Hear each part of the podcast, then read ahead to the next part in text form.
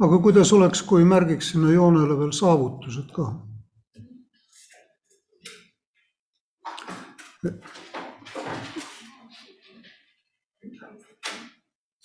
ma ei räägi teile kindlasti eduteoloogia loengut, aga ma arvan, et edus ei ole ka midagi häbiväärset.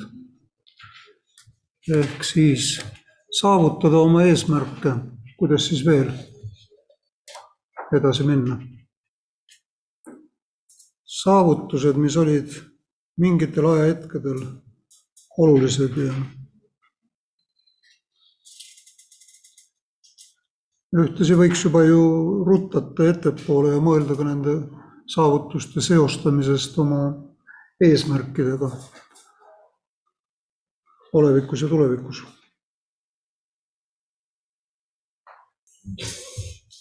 jäime saavutuste juurde.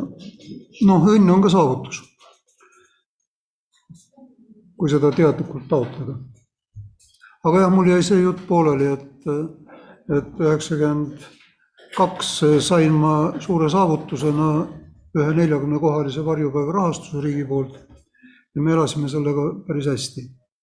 ehk siis üheksakümne kuuendaks aastaks olin ma selle nelikümmend kohta tõstnud saja kümne või saja kuue või sellise arvuni ja ei kulutanud märkimisväärselt rohkem, kui oli mul üheksakümnendate algul ja siis sada kohta, üle saja koha Eestis oli päris kõva sõna.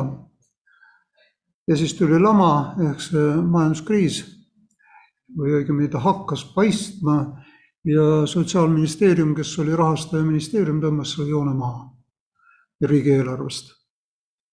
Ja siis me olime peaaegu nagu kõhuli. et tuli midagi välja mõelda. ja hakkasin kohe tööle selleks, et, et saada mingi alternatiiv. ja minu ülesanne oli selgitada, et taoliste varjupaikade või rehabilitatsioonikeskuste olemasolu vähendab kuritegevust ja kuritegevusega kaasnevaid kahjusid, mis tegelikult võivad riigieelarvel olla palju suuremad kahjud kui see raha, mida nad sinna sisse panevad. ja rahastajatega tulebki rääkida rahakeeles. mul polnud mõtet rääkida sotsiaalminniga ega ka justiitsiga hiljem sellest, et on lihtsalt inimlik aidata neid, kes ilma selle abita ei saa hakkama. Ja selle tõttu, et nad ei saa hakkama, teevad nad järjekordseid halbu asju. vaid oli vaja öelda see, et kui te võtate meie käest praegu selle N summa ära, siis tegelikult teil kulub pärast N ruudus ehk siis kulub teil oluliselt rohkem. ja ma pakkusin välja alternatiivse süsteemina siis, et iga vanglast vabaneja, kes, kes seda vajab ja kellel on kõrge retsidiivsusrisk ehk uue kuriteo sooritamise risk, saab välja õpetatud tugiisiku selleks, et ta oskaks hakkama saada ilma uute kuritegudeta. see on päris huvitav, sellest on mul omaette esitlus, aga ma vähemasti arvan, et ma täna seda ei hakka näitama, see läheb natukene liiga detaili ja nišši. aga see nii-öelda see majanduspoliitiline mõte, et, et tuleb läbi rääkida otsustajatega, arvestades sellega, mis nendele mõjub. Et mis on, mis oleks, ennetada nende vastuargumente, nad ütlevad lihtsalt, meil on nüüd majanduslangus ja meil ei ole raha. no aga selge, te peate tegema kulutused vangimajadele ikka ja mida rohkem seal inimesi on, seda rohkem. ehk siis, kui mina hoian kümme inimest väljas, on teie kulutused juba väiksemad. ehk siis see läbirääkimine tugiisikusüsteemi üle võttis siis aega kuni, ma arvan, kas no ümarguselt kümnenda aastani, kahe tuhande kümnendani. ja siis tuli toetaja justiitsministeeriumi näol, kus olid tulnud uued noored ametnikud, kes ei olnud vanast noh, mõtteviisist läbi imbunud. Nad ütlesid, et selles on nagu iva, mida see mees räägib. ja siis me algatasime, koostasime tugiisiku teenuse standardi. hakkasime seda kirjutama koostöös siis minu kontor ja Justiitsministeeriumi kriminaalpoliitika osakond. ja mõnel päeval seal nende juures, mõnel päeval kirikuvalitsuse ruumides ja nii me käisime umbes aasta otsa edasi-tagasi kokku. ja tulemus oli see, et me saime kahe tuhande kaheteistkümnendal aastal juba selle asja käima ehk tugiisikuteenuse pakkumise. hiljem me töötasime edasi, sest ma väitsin, et täiuslik eesmärgi saavutus on siis, kui me lahendame erinevaid meetmeid koos, kompleksselt, eks lisaks tugiisikule on vaja ka psühholoogilist nõustamist teatud juhtudel ja teatud juhtudel ja väga paljudel on vaja ka majutust, kui inimesel ei ole kuskil elada, siis sa võid seda nõustada teda kui palju tahes, aga uue pahanduseni jõuab ta ikka. ja siis oleks vaja veel ka sõltuvusprobleemidega tegeleda. et me siis saime selle sõltuvused ja majutused ja asjad kokku pandud üheks programmiks, mida me praegu siis teostame ja no minu arvates see oli päris tore saavutus. ehk siis ma tahangi öelda, et kui, kui nagu üks tee pannakse kinni, siis teine läheb lahti, aga see võtab aega ja peab olema piisavalt tahtejõudu ja kannatust, et äh, saavutada oma eesmärk. ja sellega on nii nagu õnne saavutamisega, et õnne saavutamiseks on vaja, vaja midagi teha. ja nüüd ma võib-olla natukene räägin selliseid triviaalseid kõlavaid asju, aga siiski selleks peaksid sa ise vormis olema. vaimselt, füüsiliselt, spirituaalselt. sest muidu nagu ei võida lahinguid ega läbirääkimisi. teatud fookus on nagu oma füüsisel ehk siis väikene metsajooks või rattasõit või hommikuveelemine ei tee kellelegi kahju. ja reeglina enamikule inimestele ei käi ka üle jõu. ma ei hakka olümpiasporti propageerima, kus nagu palju inimesest ka ära lõhutakse, aga mingisugune, mingisugune füüsiline koormus on mõistlik.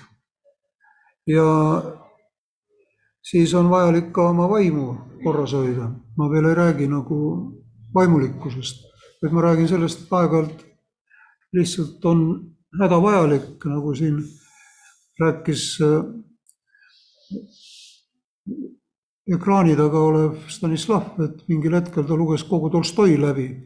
et see oli niisugune nagu šokiravim Su. väga suurte vitamiinikoguste sissevõtmisega võib saada korraga uue laksu ja terveks aga mina lugesin kunagi Balzac'i niimoodi, et seda on kuusteist köidet, noh, emal oli kodus riiulis. ma arvan, et ma siiski sain nad kõik läbi, aga no võib-olla ma natukene ka meelitan ennast, ei tea. aga põhimõtteliselt mingisugune vaimne pingutus on hädavajalik, no minge, kui te selle õppe siin läbite, minge edasi magistriõppesse. ärge raisake sellele liiga palju aega, aga tehke seda. või vähemasti lugege aeg-ajalt eriaegs, erialaseid raamatuid.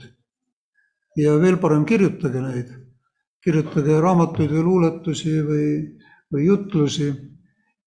me kõik võime öelda, et jah, küll püha vaim annab, aga üks anekdoot pühavaimu koguduse ühest õpetajast räägib seda, kuidas mees oli pidanud suurepäraseid jutlusi ja mulle annab püha vaim, ma ei kirjuta neid. ja ühel päeval läks kantslisse, oli vait. midagi ei tulnud ja siis, kui ta ära läks, siis küsisid koguduse liikmed, et kuule, kas püha vaim täna ei rääkinud sinuga? rääkis. ikka räägib. mis ta sulle ütles? laisk oled, Ants, laisk. et ei viitsi valmistuda. nii et selline väikene pingutus on alati nagu asjakohane.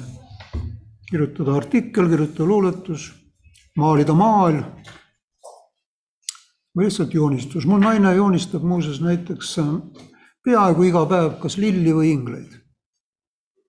me ei ole nad näitusele eksponeerinud, aga, aga kui te tulete Harku järvele juhtumisi mulle külla, Harku järve kogukonna kirikusse, siis meie bussipeatus, mis kannab kirikupeatuse nime, bussipeatus on dekoreeritud lastejoonistustega ja üks külg on ka inglitega.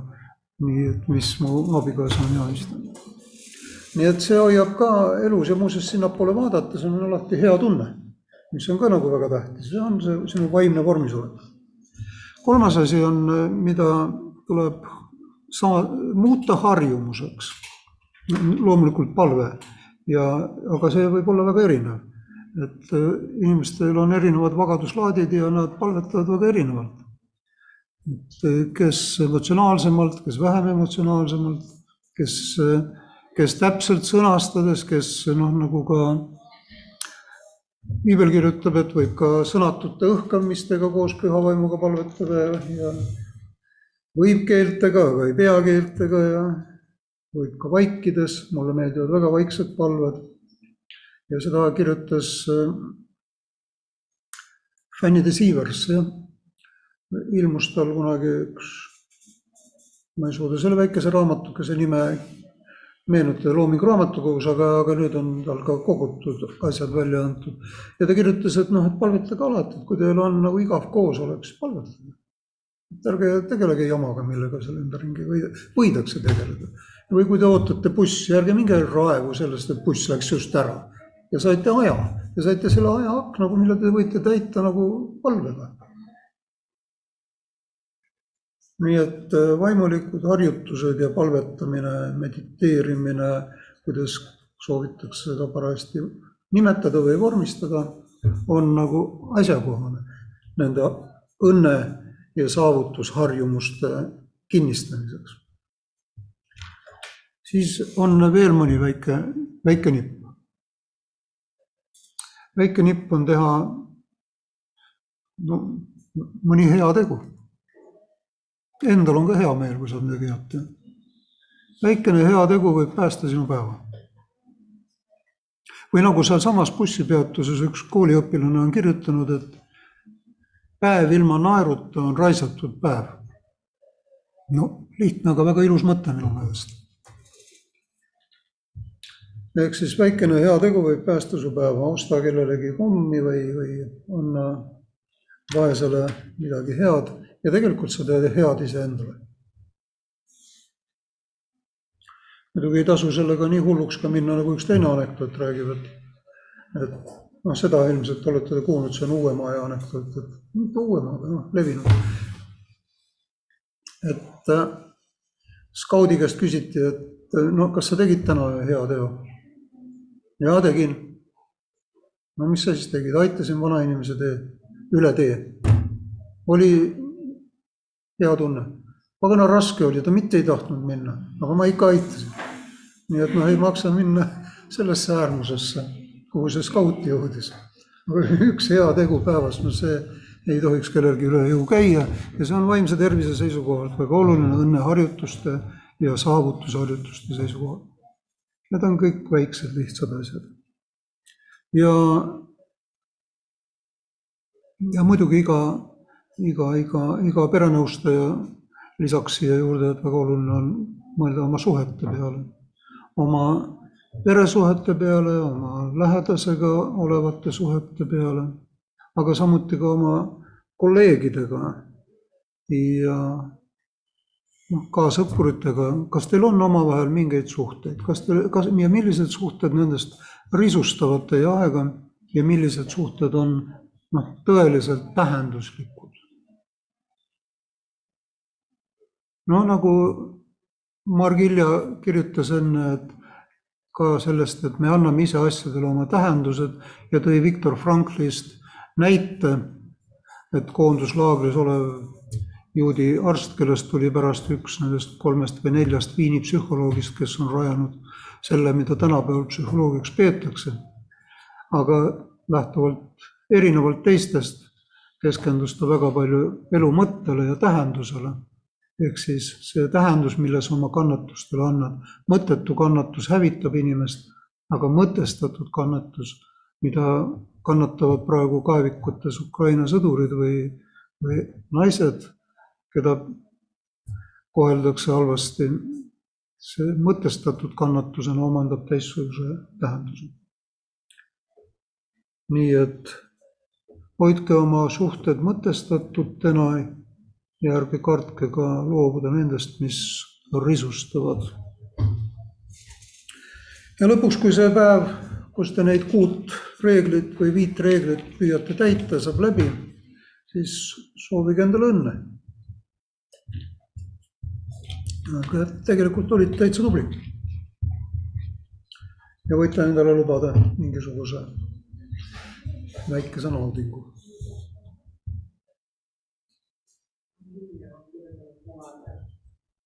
Midagi seal on jah. seal telekast on tegelikult ka äh, et kui saavutuste hind osutub liiga kõrgeks, siis ei pruugi neil positiivset tähendust olla. ühel usuvennal ei jäänud kõrgkooli astudes enam aega pere jaoks, kodus igavledes avastas abikaasa jututoad ja leidis uusi sõpru ja kallima. nii et kui kool lõpuks läbi sai, ei tundnudki usuvend mingit rõõmu, vaid nentis, võitsin küll diplomi, aga kaotasin naise noh, see räägi-, räägibki sellest, et suhted muutusid vähem tähenduslikuks kui diplom. aga balansi hoidmine, tasakaalu hoidmine on ka kunst. ja jah, tasakaalu hoidmine ka palveelu, tööelu, pereelu, kõigi nende vahel võib muutuda keeruliseks, eriti kui kõik need olulised teised ei saa asjadest samamoodi aru aga tähelepanek, tähelepanek on õige, aga sellele vaatamata tahaksin ma ikkagi püsida oma joonel, kus eesmärgistamine ja saavutus ja elluviimine on olulised. ja selleks ma tahan teile anda ühe, ühe reegli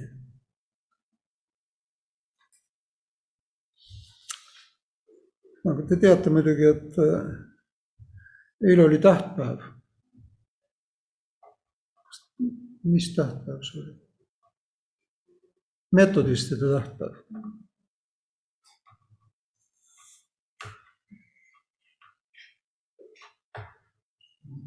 No, teate, tähtpäevade tähistamine on ka üks oluline osa.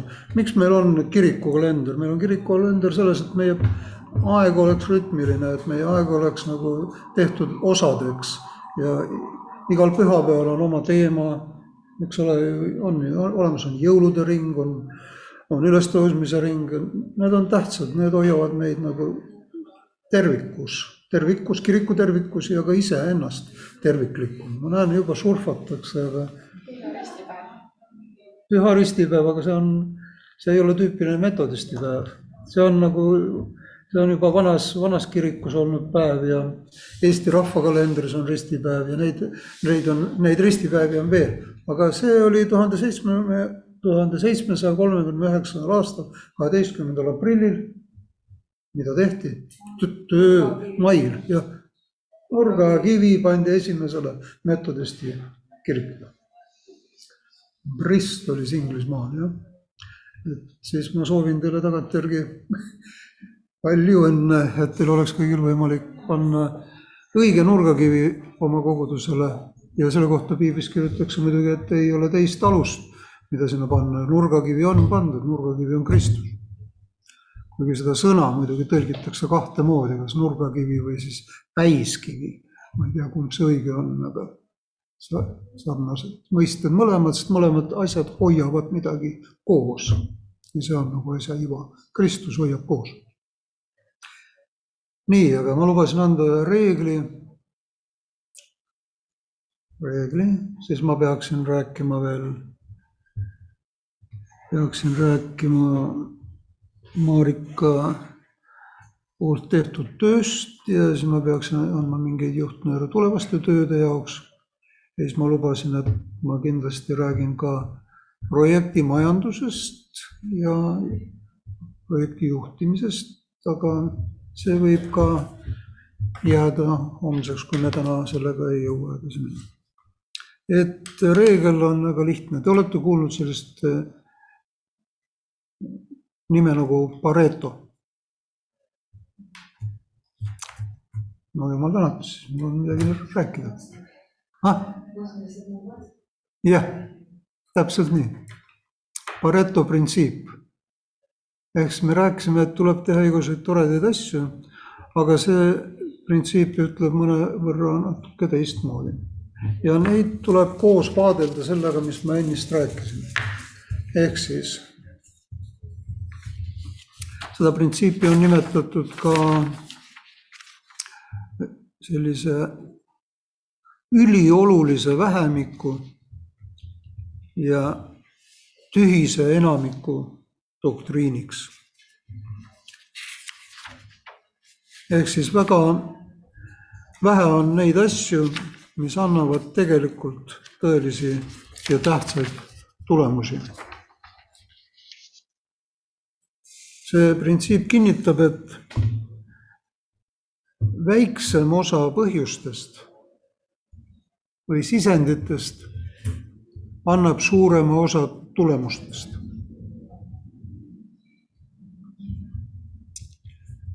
tulemustest või väljunditest või, või ka tasust, mille te saate selle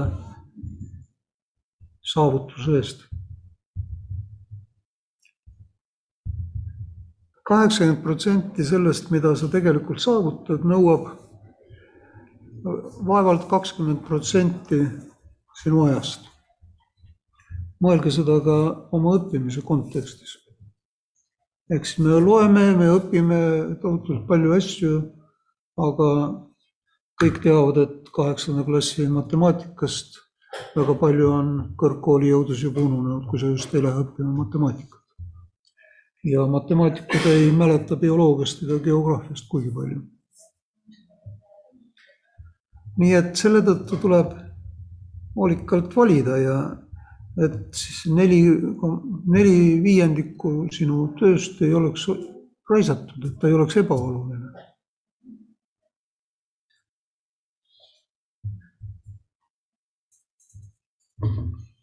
Printsiip räägib tasakaalutusest, seda nimetatakse teistmoodi tasakaalutuse printsiibiks, et, et sinu sisendite ja väljundite vahel on loomulik tasakaal puudumine, tasakaalu puudumine.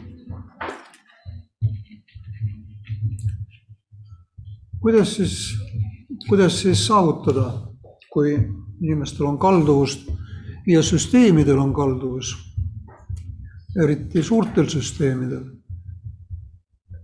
nõuda tegevusi või sooritada tegevusi mis enam ei olegi tegeliku eesmärgiga otseselt seotud.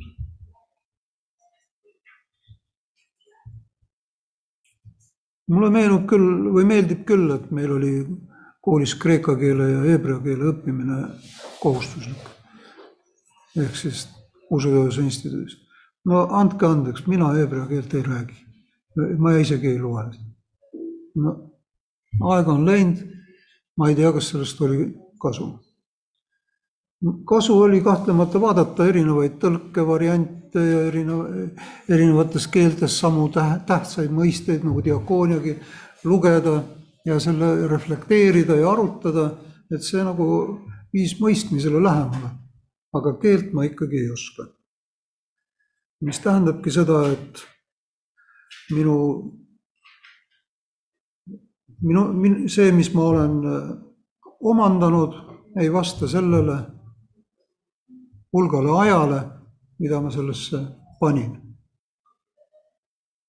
et kuidas siis teie, teiega on, et kas, kas see, mida te koolis omandate, on vastavuses selle ajaressursiga, mida te panete, mõned teist sõidavad veel kohale teisest linnast, raiskavad ka raha kütusele ja reostavad loodust selle kütusega.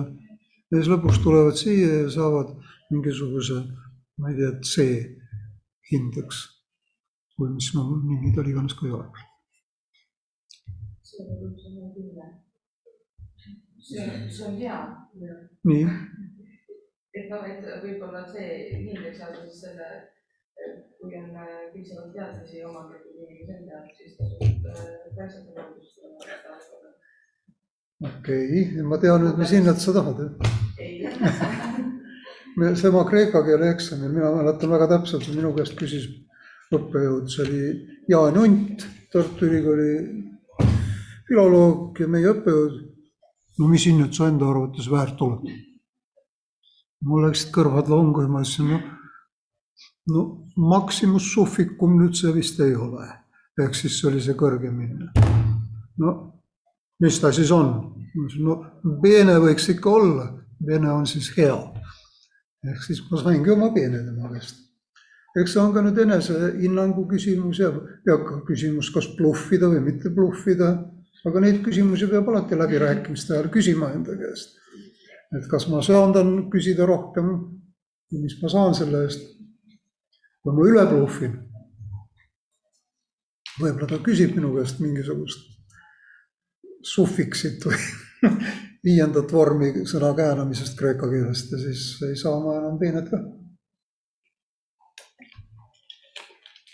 niisiis, kui hind osutub lõpuks liiga kõrgeks, kirjutab Margit, Margilja, siis ei pruugi neil olla positiivset tähendust ka eksamitel ja ka sisse pandud õppimise mahul. see oleneb ka eesmärkidest. kindel see kui on akadeemiline karjäär näiteks eesmärgiks, siis on see teistmoodi selle õppimise mahu küsimus, kui, kui nagu teha lihtsalt teenimistööd.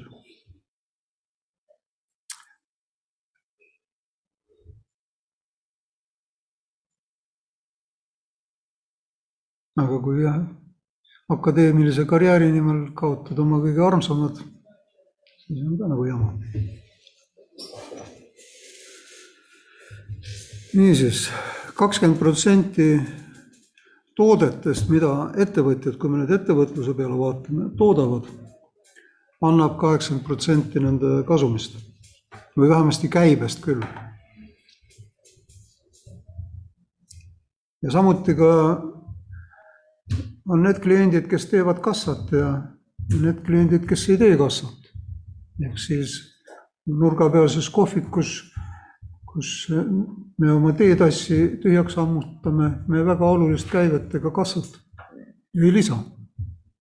aga tuleb sinna kolm tüüpi, kes tähistavad oma suurepärast kahekümne viie aasta sünnipäeva terve öö ja teevad märksa suurema kassa.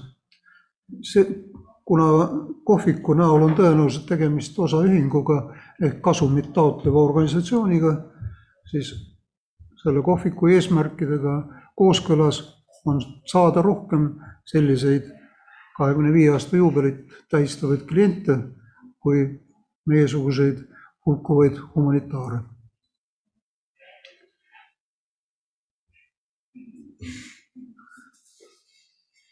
ja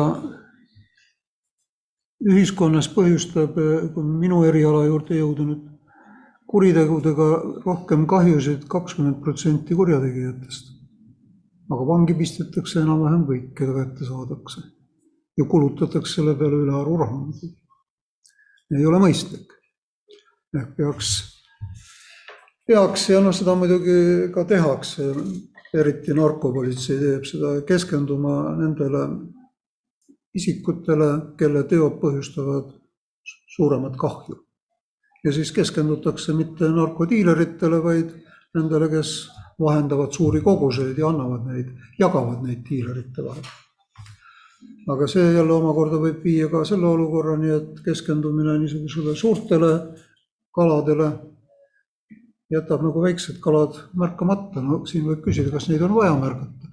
aga kui väikesteks kaladeks näiteks selle suure narkoäri kõrval on perevägivald, siis nagu mõeldakse ilmselt teistmoodi. ehk siis ka seal on võimalik keskenduda kahekümnele protsendile isikutest, kes on suure tõenäosusega olulisemad vägivaldurid kui teised ja põhjustavad kaheksakümmend protsenti kannatustest. Ja see kakskümmend ja kaheksakümmend ei ole muidugi mingisugune kivisse raiutud, vaid see on suure üldistusega, üldistusega öeldud, sest võib ka öelda näiteks, et et ühiskonnas on äh, ettevõtjaid kindlasti alla kümne protsendi, kuigi ettevõtteid on äh, oluliselt rohkem. ettevõtted enamasti või sageli ei jõua ettevõtluses tulemuse saavutamiseni ehk saavutuseni. Ja see ettevõtja, kes pankrotini jõuab saavutuse asemel, ei saavuta ka selle õnnetaseme olulist tõusu.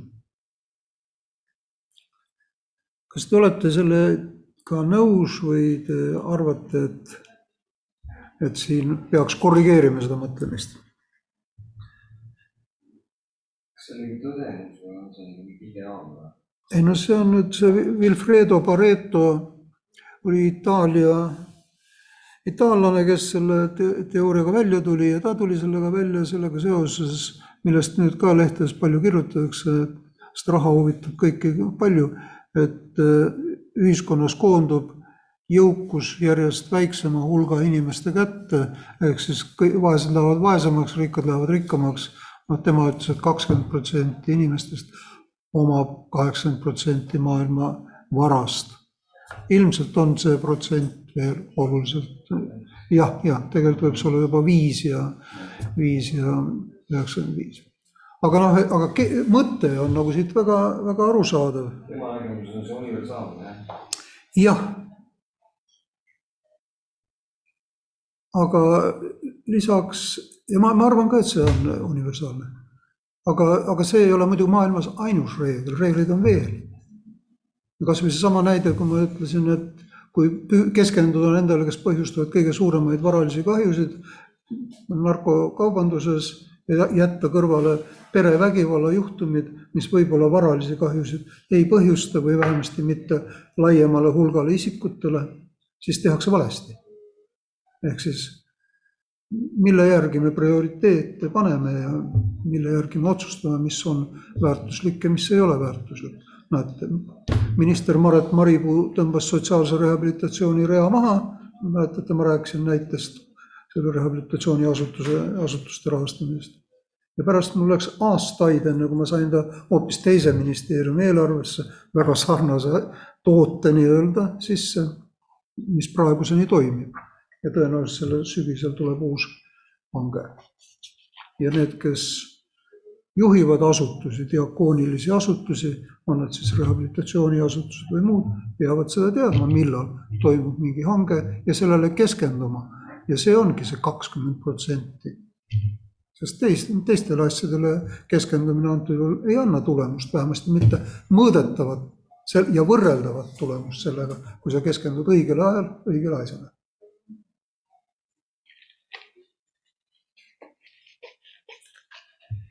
Kuidas teil toas põrandad on? kodus?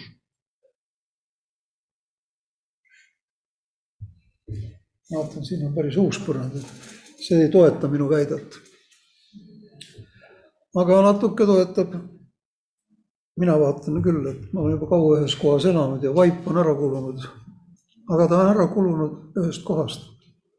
kus ma tulen magamistoast ja vetsule või vannituppa. ehk siis ainult võib-olla kümme protsenti vaibapinnast on põhi, põhimõtteliselt kasutusel. ja üheksakümmend ei ole.